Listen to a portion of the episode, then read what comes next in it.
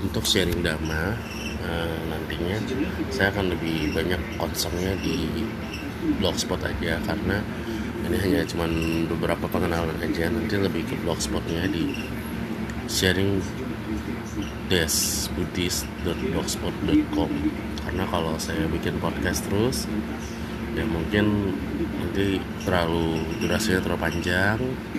Kalau dibaca kan lebih cepat juga ya. Jadi share di boleh di share ke teman-temannya di sharing desbuddhist.blogspot.com terima kasih nama budaya